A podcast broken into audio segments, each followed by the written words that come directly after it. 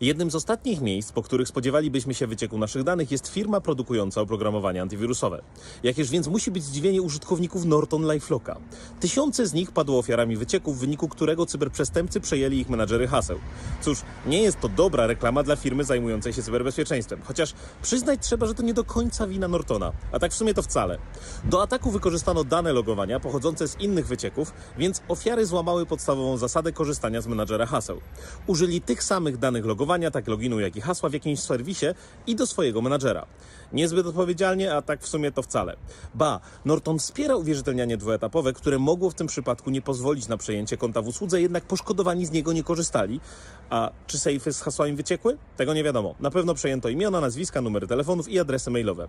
Cała akcja miała miejsce na początku marca, więc jeżeli korzystacie z LiveLocka i nie dostaliście maila powiadamiającego o złamaniu waszego konta, to dobrze go używacie.